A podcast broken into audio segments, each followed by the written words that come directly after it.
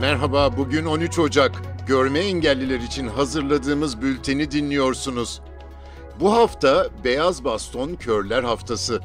Beyaz Baston 1921 yılında Londra'da trafik kazası sonucu görme yetisini kaybeden bir fotoğraf sanatçısının dış dünyanın kendisini fark etmesi için bastonunu beyaza boyamasıyla bir simge haline gelmiş.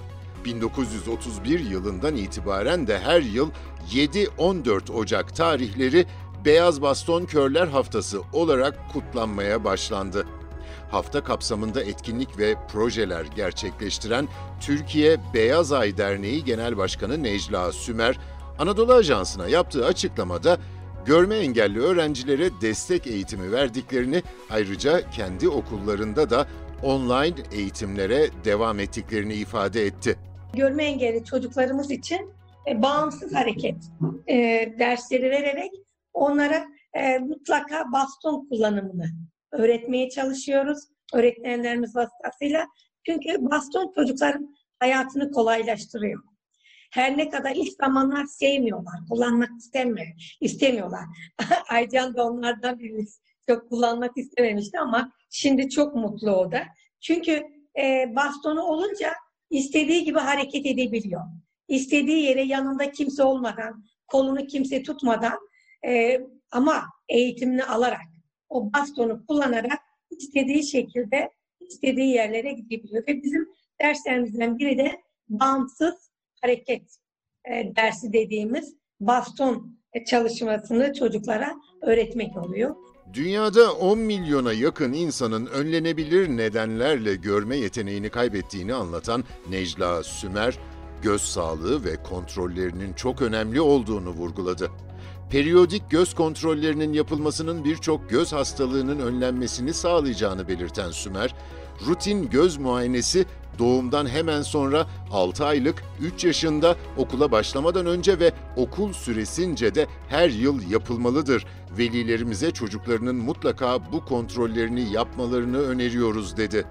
Ankara'da Keçiören Belediye Başkanı Turgut Altınok, toplumsal farkındalık oluşturmak için her yıl düzenlenen bu hafta içinde önemli bir projeyi hayata geçirdi.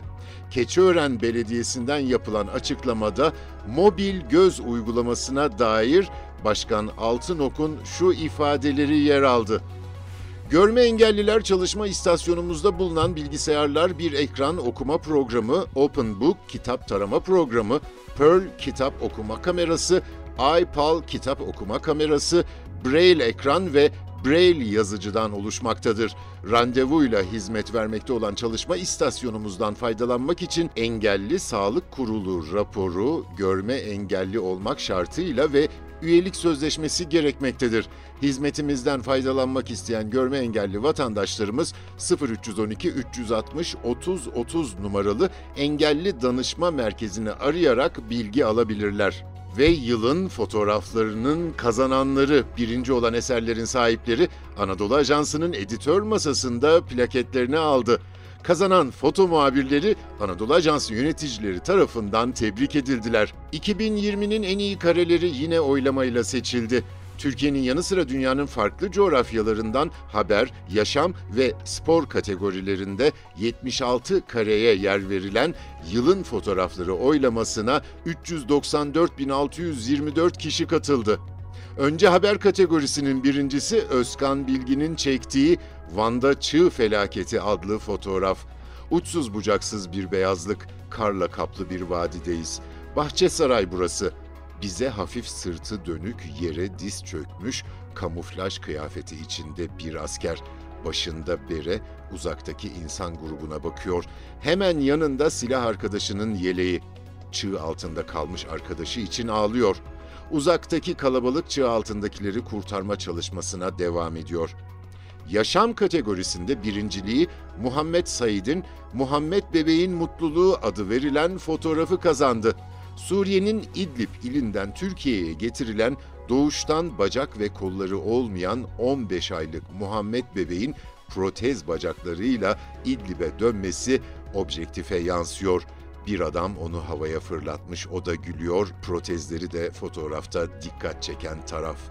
Spor kategorisinin birincisi Siirt'ten fecri barlık çekmiş lastiklerden voleybol sahası.